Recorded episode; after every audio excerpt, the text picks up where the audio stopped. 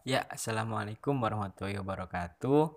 Selamat datang teman-teman. Selamat pagi, eh siang, sore, dan malam jika teman-teman mendengarkannya pada malam hari. Di sini saya Muhammad Iman Ramadhani dan juga dua teman saya yang akan bergabung nantinya ada Muhammad Akbar Maulana dan juga Fatiar Ayu Faranisha akan menjelaskan memaparkan dan juga menjabarkan seputar perbankan syariah. Oh iya teman-teman, untuk menjaga kualitas audio perekaman kali ini, kami lakukan secara terpisah. Juga mengingat kondisi masih pandemi seperti sekarang ini. Jadi kita merekamnya di tempat yang tiga tempat yang berbeda. Oke, oke.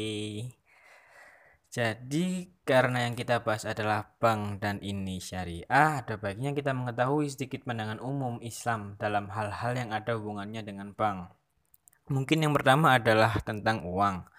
Menurut Al-Ghazali dan Ibnu Khaldun, uang itu adalah apa yang digunakan manusia sebagai standar ukuran nilai, harga, media transaksi pertukaran, dan juga media simpanan. Jadi uang adalah alat transaksi, bukan sebuah komoditi. Satu syarat yang agar aktivitas jual beli dalam Islam sah untuk dilakukan adalah jual beli tersebut harus dilakukan secara tunai. Nah, bila uang tersebut adalah uang sejenis semisal rupiah dengan rupiah, maka nilainya harus sama. Hal ini sesuai dengan hadis Ubadah bin Samit dan Umar Al-Faruq yang berbunyi, jual emas dengan emas, perak dengan perak, dan seterusnya dan seterusnya jika jenisnya berbeda, jualah sekehendakmu jika dilakukan secara tunai. Dan hadis dari Umar Al-Faruq berbunyi, jual beli emas dengan perak adalah riba, kecuali dilakukan secara tunai. Hal ini diriwayatkan oleh Muslim, Tirmizi, Nasai, Abu Daud, Ibnu Majah, dan juga Ahmad. Nah, bagaimana jika forex ataupun kita trading falas? Jadi ada pendapat yang memperbolehkan trading forex. Namun, mayoritas ulama berpendapat bahwa trading forex ini hukumnya haram. Karena pertama yang pembolehan dulu. Yang membolehkan ini dasarnya adalah trading forex ini tidak ada maisir, horor dan kawan-kawannya. Jadi mereka berpatokan bahwa ini tuh disamakan dengan ketentuan jual beli umum. Sedangkan pendapat yang mayoritas atau yang lebih kuat adalah haram karena ini melanggar syarat yang sudah saya sebutkan di dua hadis di atas di mana jual beli uang ini harus dilakukan secara tunai. Jadi begitu teman-teman mengenai uang dalam pandangan Islam. Nah, yang kedua ada bunga riba yang umum ada di bank umum.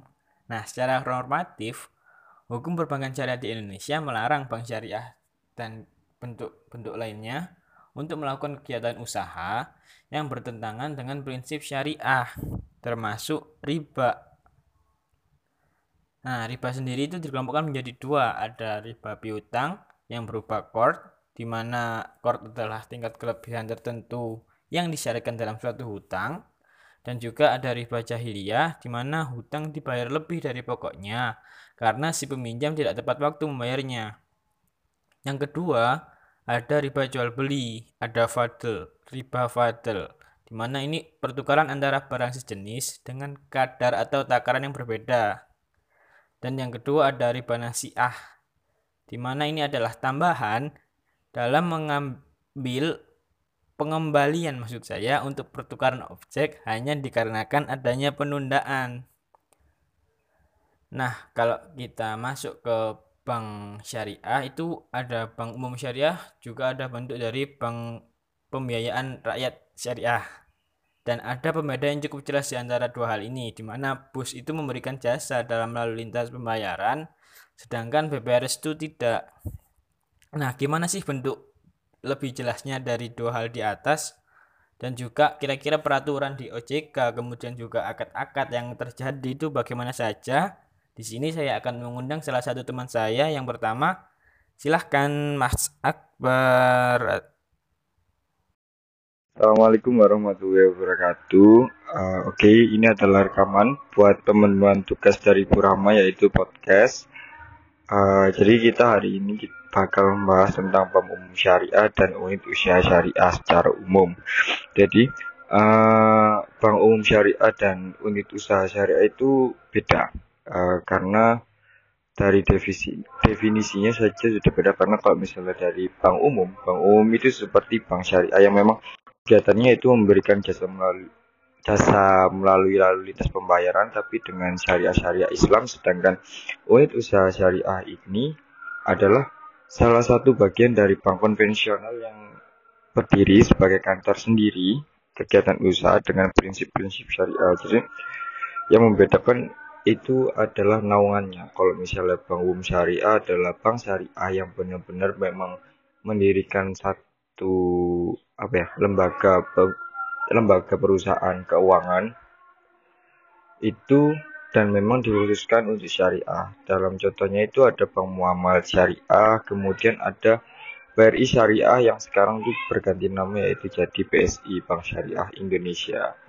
Nah, uh, jadi terkadang memang Bank Umum Syariah ini terkadang masih di dalam naungan punyanya bank konvensional, tapi uh, mereka sejajar dengan bank konvensional. Kemudian uh, unit usaha syariah ini ada di bawah naungannya bank konvensional. Jadi mereka itu masih bagian konvensional, tetapi transaksi dari US ini tetap terpisah dengan bank induknya. Itu yang membedakan kalau misalnya salah satu contoh unit usaha syariah itu yaitu CIMB Niaga Syariah, kemudian ada PTN Syariah dan Diamond Syariah. Kemudian di dalam OJK itu disebutkan kalau misalnya banyak sekali kewajiban dan wewenang yang bisa dilakukan oleh Bank Umum Syariah dan unit usaha syariah. Uh, uh, sebenarnya itu diambil dari undang-undang, undang-undang di OJK.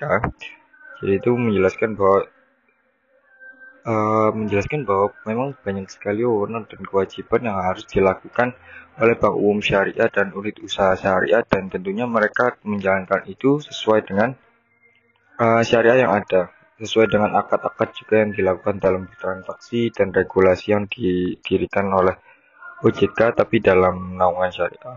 Jadi kemudian uh, tujuan dan fungsi perbankan syariah itu banyak sekali dijelaskan di dalam OJK, kemudian di OJK juga dijelaskan tentang struktur perbankan syariah. Mungkin ada lima tujuan dan fungsi perbankan syariah, yaitu bank syariah. Uh, itu wajib menjalankan fungsi menghimpun dan menyalurkan dana masyarakat. Ini merupakan fungsi utama dari bank yang secara umum. Kemudian bank syariah dan unit usaha Syariah juga menjaga fungsi sosial dalam bentuk lembaga baitul mal yaitu menerima dana yang berasal dari zakat, infak, sedekah, hibah, atau dana sosial lainnya dan menyalurkan kepada organisasi pengelola zakat. Uh, ini sudah masuk ke dalam tujuan dan fungsi dari perbankan syariah yang berbeda dari konvensional. Kemudian yang ketiga itu ada bank syariah dan unit usaha syariah dapat menghimpun dana sosial berasal dari wakaf uang dan menyalurkannya kepada pengelola wakaf atau nazir sesuai dengan kehendak pemberi wakaf, yaitu wakif. Pelaksanaan fungsi sosial bagaimana dimaksud pada ayat 2 dan 3 sesuai dengan ketentuan dan peraturan perundang-undangan. Kemudian, uh, di sini juga dijelaskan ada beberapa akad dalam transaksi. Jadi kalau misalnya kalian masuk di webnya Otoritas Jasa Keuangan dan men-search tentang syariah. Kebetulan di kolom di kolom apa di kolom atasnya itu terdapat ada tentang per, uh, tentang syariah. Jadi itu bagaimana apa ya, di kolom atas kayak uh, deretan beranda dan lain-lain itu ada salah satu kolomnya itu menspesifikkan tentang syariah di mana di sini tuh menjelaskan tentang semua yang berkaitan dengan syariah itu ada macam-macam yaitu perpanjangan syariah yang isinya itu ada bank umum syariah dan unit usaha syariah kemudian ada kegiatan syariah kemudian ada pasar modal syariah kemudian ada IKNB syariah dan keuangan syariah nah kata-kata dalam transaksi perbankan syariah ini ada dijelaskan secara lengkap di sini uh, secara definisinya di mana di sini itu dijelaskan sebanyak 9. 9 akad yang ada di dalam perbankan yang ya yang ada di dalam transaksi perbankan. yaitu spesifikasinya ada wadiah, akad wadiah yaitu akad penitipan barang atau uang antara pihak yang mempunyai barang atau uang dan pihak yang dipercaya, diberi kepercayaan dengan tujuan untuk menjaga keselamatan. Kemudian ada akad mudharabah, uh, akad kerjasama suatu usaha antara pihak pertama yang bertindak selaku pengelola dana dengan kesepakatan yang dituangkan dalam akad. Kemudian ada akad musyarakah, akad kerjasama di antara dua pihak atau lebih untuk usaha tertentu yang masing-masing pihak memberikan porsi dana masing-masing. Ada akad murabahah, akad pembiayaan suatu barang dengan menegaskan harga belinya kepada pembeli dan pembelinya membayarnya dengan harga yang lebih sebagai keuntungan yang disepakati. Kemudian ada akad salam, akad pembiayaan suatu barang dengan cara pemesanan dan pembayaran harga. Ada akad istin, istisna, akad pembiayaan barang dalam bentuk pemesanan pembuatan barang tertentu. Kemudian akad ijarah, akad penyediaan dana dalam rangka memindahkan hak guna atau manfaat dari suatu barang berdasarkan transaksi sewa, akad ijarah muntahiyah bit tamlik, akad penyedia dalam rangka memindahkan hak guna juga, dengan opsi pemindahan kepemilikan barang. Yang membedakan ijarah yang biasa dan ijarah muntahiyah bin tamlik ini itu tanpa diikuti. Kalau yang ijarah itu tanpa diikuti dengan pemindahan kepemilikan barang itu sendiri, sedangkan yang ijarah muntahiyah bin tamlik ini dengan opsi pemindahan kepemilikan barang. Jadi Uh, kemudian yang terakhir ada akad kor, akad pinjaman dana kepada nasabah dengan ketentuan pada nasabah wajib mengembalikan dana yang terimanya pada waktu yang disepakati. Jadi dari sembilan akad ini mempunyai fungsi masing-masing dengan sesuai apa yang di uh, apa tujuan utama dari nasabah tersebut untuk meminjam uang di bank. Jadi itu uh, ada spesifikasi akad-akadnya. Uh, kemudian ada undang-undang dan regulasi perbankan syariah jadi pendirian bank syariah ini juga punya syarat tentunya dalam undang-undang bank umum syariah itu hanya dapat didirikan dan atau dimiliki oleh WNI atau Badan Hukum Indonesia, kemudian hukum asing secara kemitraan atau pemerintah daerah. Kemudian bank pembiayaan rakyat syariah ini dapat didirikan juga oleh WNI, pemerintah daerah, dan dua pihak atau lebih yang dimaksudkan dalam huruf A atau B. Maksimum kepemilikan bank umum syariah oleh warga negara asing atau badan hukum asing diatur dalam peraturan Bank Indonesia. Uh, kemudian ada larangan-larangan perbankan syariah. Ini dijelaskan juga secara lengkap di, di OJK, di mana larangannya terdapat dua uh, spesifikasi yaitu larangan dalam bank umum syariah dan juga larangan dalam bank pembiayaan rakyat syariah. Uh, jadi larangan yang pertama di bank umum yaitu melakukan kegiatan yang bertentangan tentunya dengan prinsip syariah, kemudian melakukan kegiatan jual beli saham secara langsung di pasar modal itu dilarang. Melakukan penyertaan modal saya untuk tujuan penyertaan modal sebagaimana dimaksud dalam huruf A di atas. Melakukan kegiatan usaha perasuransian kecuali sebagai pemasaran berdasarkan asuransi syariah. Kemudian dalam PPR syariah itu ada enam. Uh, hal-hal yang dilarang. Uh, mungkin sudah coba misalnya tentang bank syariah atau tentang unit usaha kegiatan syariah. Jadi pada intinya bank syariah dan unit usaha syariah ini berbeda, uh, berbeda naungan. Yang membedakan itu adalah naungan di mana bank umum syariah adalah bank yang sejajar dengan bank konvensional yang benar-benar memang ditentukan hanya untuk syariah saja dan tidak di bawah naungan siapa pun dan bisa dikatakan itu berdiri di kakinya sendiri. Jadi kalau misalnya dalam contohnya itu kayak Bank Muamalat yang memang benar-benar mereka menganut syariah, kemudian ada PSI yang sebelumnya di bawah naungan BRI, sekarang mendirikan bank sendiri yaitu Bank Syariah Indonesia. Kemudian unit usaha kegiatan syariah ini uh, dia berada di bawah naungan uh, bank konvensional. Salah satu salah satu contohnya tadi yaitu CIMB Niaga Syariah, kemudian dan yang lain-lain. Uh, mungkin udah itu aja. Kalau misalnya ada yang salah kata, mohon dimaklumi. Terima kasih karena sudah mendengarkan. Uh, saya akhiri. Assalamualaikum warahmatullahi wabarakatuh. Iya, waalaikumsalam warahmatullahi wabarakatuh. Mas Akbar, terima kasih. Oh iya teman-teman, dari berbagai macam pandangan masyarakat yang menolak adanya bank syariah, ada salah satu yang menyatakan jika bank syariah ini tetap dalam tanda kutip haram karena uang yang mengalir masih menjadi satu dengan bank umum. Jadi berputar-putar di bank yang sama begitu, hanya diganti namanya dengan syariah dan lain-lain dan lain-lain. Padahal berdasarkan penjelasan Mas Akbar di awal tadi, sudah jelas jika bank syariah di Indonesia dilarang melakukan kegiatan yang bertentangan dengan prinsip syariah, termasuk riba. Selain itu juga ada bank umum yang bank, bank umum syariah yang memang operasionalnya juga sudah terpisah dari bank-bank biasa. Jadi sebenarnya asumsi masyarakat tadi itu kurang tepat. Jadi hal inilah kenapa sebagai penggiat ekonomi syariah di Indonesia, kita harus membantu masyarakat dalam hal edukasi mengenai apakah ekonomi syariah itu sendiri. Salah satunya ya mungkin berupa podcast seperti ini. Nah, untuk memperjelas lagi bagaimana perbedaan bank syariah dan konvensional, saya akan mengundang teman saya yang kedua untuk menjelaskan lebih lanjut. Silahkan, Mbak Ara. Bank secara umum menurut Undang-Undang Nomor 10 Tahun 1998 tentang Perbankan adalah badan usaha yang menghimpun dana dari masyarakat dalam bentuk simpanan. Dana tersebut kemudian disalurkan dalam bentuk kredit atau bentuk lainnya kepada masyarakat dalam rangka meningkatkan taraf hidup masyarakat.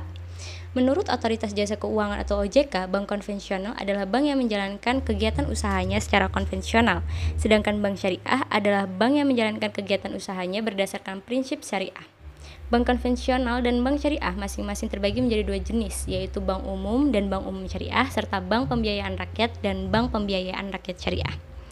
Baik bank konvensional maupun bank syariah dapat menjalankan fungsi sebagai tempat penyimpanan dana.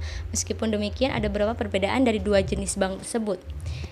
Misalnya, dari sistem keuntungannya, sistem bank konvensional prinsip keuntungan dengan asumsi selalu untung dan menggunakan sistem bunga, sedangkan bank syariah bisa untung atau rugi karena menerapkan bagi hasil, margin, keuntungan, dan fee. Perbedaan dari bunga dan bagi hasil di antaranya, bunga didasarkan pada jumlah uang atau pokok pinjaman. Nasabah kredit harus tunduk pada pemberlakuan perubahan tingkat suku bunga yang ditentukan secara sepihak oleh bank, sesuai dengan fluktuasi suku pada bunga di pasar uang. Sedangkan bagi hasil didasarkan pada rasio bagi hasil dari pendapatan atau keuntungan yang didapat nasabah pembiayaan. Lalu margin keuntungan untuk bank yang disepakati bersama yang ditambahkan pada pokok pembiayaan berlaku sebagai harga jual yang tetap sama hingga berakhirnya masa akad.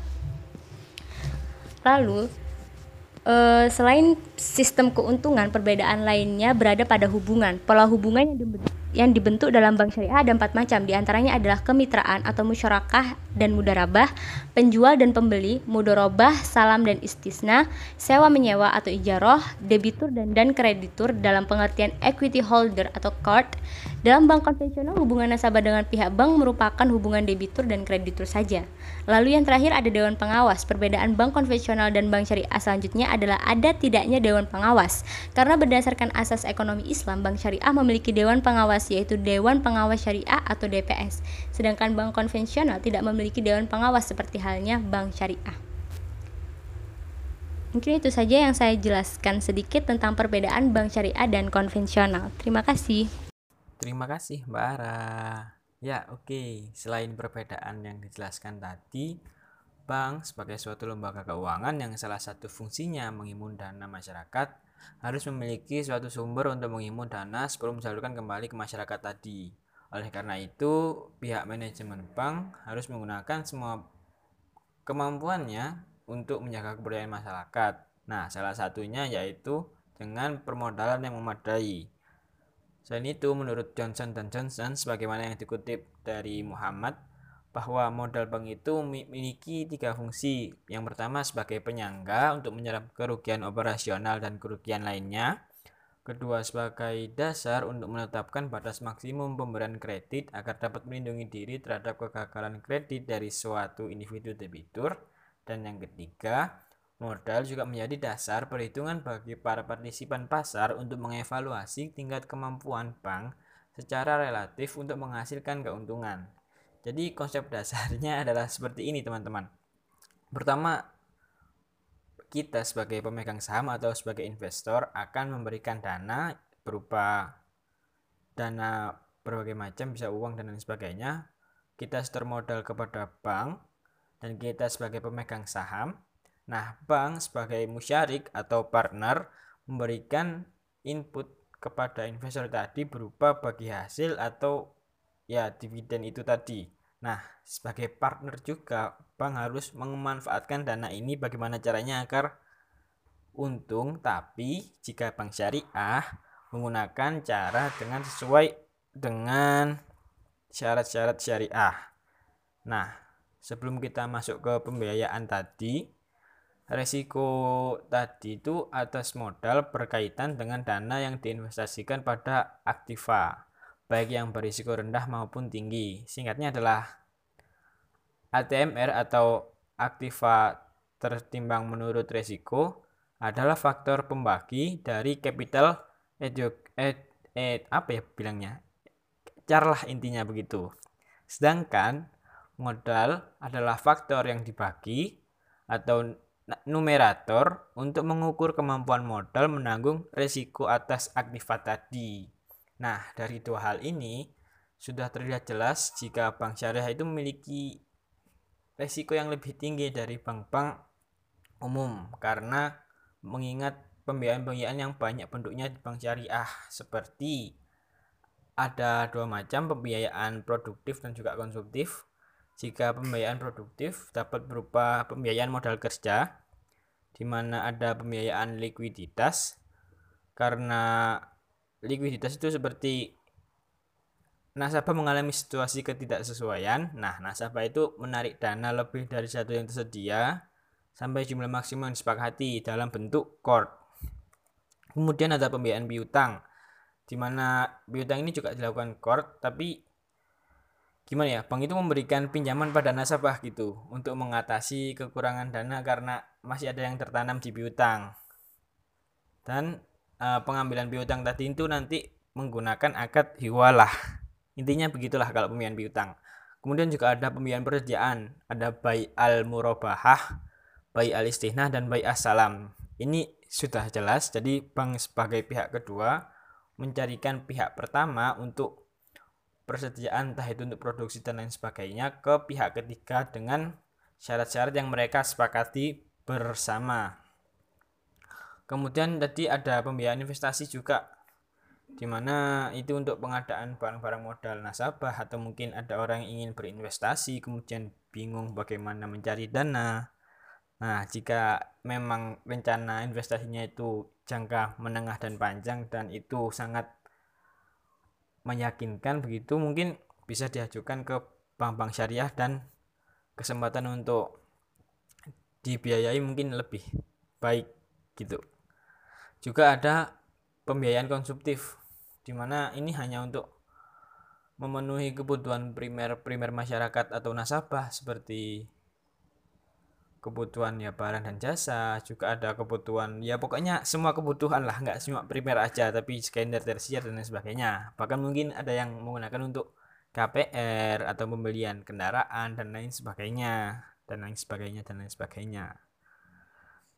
Nah Selain itu, jika kita melihat ke belakang, Bank Syariah di Indonesia ini tidak serta-merta langsung berdiri seperti yang kita lihat pada saat ini. Ada sebuah proses di mana Bank Syariah ini hanya sebuah topik pembahasan diskusi oleh pihak-pihak terkait hingga saat ini bisa dikenal masyarakat luas.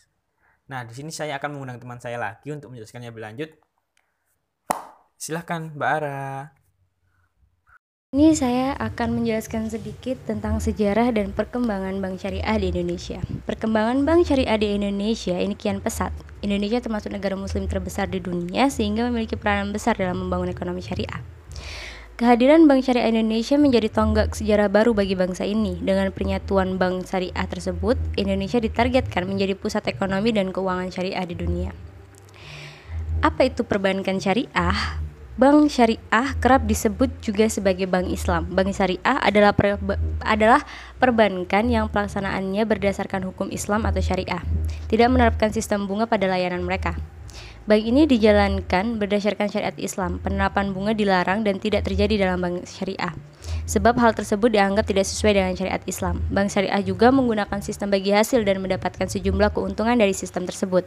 Keuntungan ini keuntungan inilah yang digunakan yang kemudian digunakan pihak bank selaku pengelola untuk membiayai seluruh kegiatan operasional perbankan yang dijalankan. Jadi bagaimana proses berdirinya perbankan syariah, mengutip laman OJK Otoritas Jasa Keuangan, inisiatif pendirian Bank Islam Indonesia dimulai pada tahun 1980 melalui diskusi-diskusi bertemakan Bank Islam sebagai pilar ekonomi Islam. Sebagai uji coba, gagasan perbankan Islam ini dipraktekkan dalam skala yang relatif terbatas, di antaranya di Bandung, di At-Tamwil Salaman ITB, dan di Jakarta, Koperasi Ridho Gusti. Setelah itu tahun 1990, Majelis Ulama Indonesia atau MUI membentuk kelompok kerja yang men untuk mendirikan Bank Islam di Indonesia. Pada tanggal 18 hingga 20 Agustus 1990, MUI menyelenggarakan loka karya bunga bank dan perbankan di Cisarua, Bogor, Jawa Barat. Hasil loka karya tersebut kemudian dibahas lebih mendalam pada Musyawarah Nasional 4 MUI di Jakarta tanggal 22 hingga 25 Agustus 1990 yang menghasilkan amanat bagi pembentukan kelompok kerja pendirian Bank Islam di Indonesia. Kelompok kerja dimaksud tersebut kelompok kerja dimaksud disebut tim perbankan MUI dengan diberi tugas untuk melakukan pendekatan dan konsultasi dengan semua pihak yang terkait. Lalu terbentuknya Bank Muamalat, bank syariah pertama di RI. Sebagai hasil tim perbankan MUI tersebut adalah berdirinya bank syariah pertama di Indonesia yaitu PT Bank Muamalat Indonesia atau BMI yang sesuai akte pendiriannya berdiri pada tanggal 1 November 1991. Sejak tanggal 1 Mei 1992, Bank Muamalat resmi beroperasi dengan modal awal sebesar 100 miliar 100 6 miliar 126 juta 382 ribu. Pada awal masa operasinya, keberadaan bank syariah belum mendapatkan perhatian optimal dalam tatanan sektor perbankan nasional. Landasan hukum operasi bank yang menggunakan sistem syariah saat itu hanya diakomodir dalam salah satu ayat tentang bank dengan sistem bagi hasil pada Undang-Undang Nomor 7 Tahun 1992. Pada tahun 1998, pemerintah dan DPR melakukan penyempurnaan Undang-Undang Nomor 7 Garis Miring 1992 tersebut menjadi Undang-Undang Nomor 10 Tahun 1998, di mana secara tegas menjelaskan bahwa ada dua sistem dalam perbankan di tanah air atau dual banking system, yaitu sistem perbankan konvensional dan sistem perbankan syariah. Peluang ini disambut hangat masyarakat perbankan ditandai dengan berdirinya beberapa bank Islam lain yakni Bank IFI, Bank Syariah Bank Syariah Mandiri, Bank Niaga, Bank BTN, Bank Mega, Bank BRI, Bank Bukopin, BPD Jabar dan BPD A, BPD Aceh dan lain-lain. Pengesahan beberapa produk perundangan yang memberikan kepastian hukum dan meningkatkan aktivitas pasar keuangan syariah seperti Undang-Undang Nomor 21 Tahun 2008 tentang Perbankan Syariah, Undang-Undang Nomor 19 Tahun 2008 tentang Surat Berharga Syariah Negara atau Sukuk, dan Undang-Undang Nomor 42 Tahun 2019 2009 tentang amandemen ketiga Undang-Undang Nomor 8 Tahun 1983 tentang PPN barang dan jasa. Dengan telah telah diberlakukannya Undang-Undang Nomor 21 Tahun 2008 tentang Perbankan Syariah pada 16 Juli 2008, maka pengembangan industri perbankan syariah nasional semakin memiliki landasan hukum yang memadai dan akan mendorong pertumbuhannya secara lebih cepat. Dengan progres perkembangannya impresif yang mencapai rata-rata pertumbuhan aset lebih dari 65% per tahun dalam lima tahun terakhir, maka diharapkan peran industri perbankan syariah dalam mendukung perekonomian nasional akan semakin signifikan. Mungkin sekian itu saja yang saya jelaskan tentang sejarah atau perkembangan bank syariah di Indonesia. Terima kasih. Terima kasih kembali Mbak Ara. Nah, tadi lumayan cukup panjang kan sejarah dari bank syariah di Indonesia. Kalau tidak salah tadi sudah ada mulai tahun 1990-an. Dan kalau teman-teman tidak tahu, pada awal Februari 2021 kemarin resmi berdiri sebuah bank syariah di Indonesia bernama Bank Syariah Indonesia yang merupakan hasil merger anak perusahaan BUMN bidang perbankan di antaranya BRI Syariah dan Bank Syariah Mandiri serta BNI Syariah. Mudah-mudahan dengan adanya gebrakan baru berupa BSI ini di bidang ekonomi syariah di Indonesia, dapat mengenalkan lebih jauh ekonomi syariah di masyarakat umum dan membantu menghilangkan stigma-stigma negatif masyarakat. Mungkin itu saja dari kami bertiga. Saya mewakili teman-teman saya Muhammad Akbar Maulana dan juga Fardiar Arifaranisya pamit undur diri. Mohon maaf jika ada salah kata. Wassalamualaikum warahmatullahi wabarakatuh. Thank you.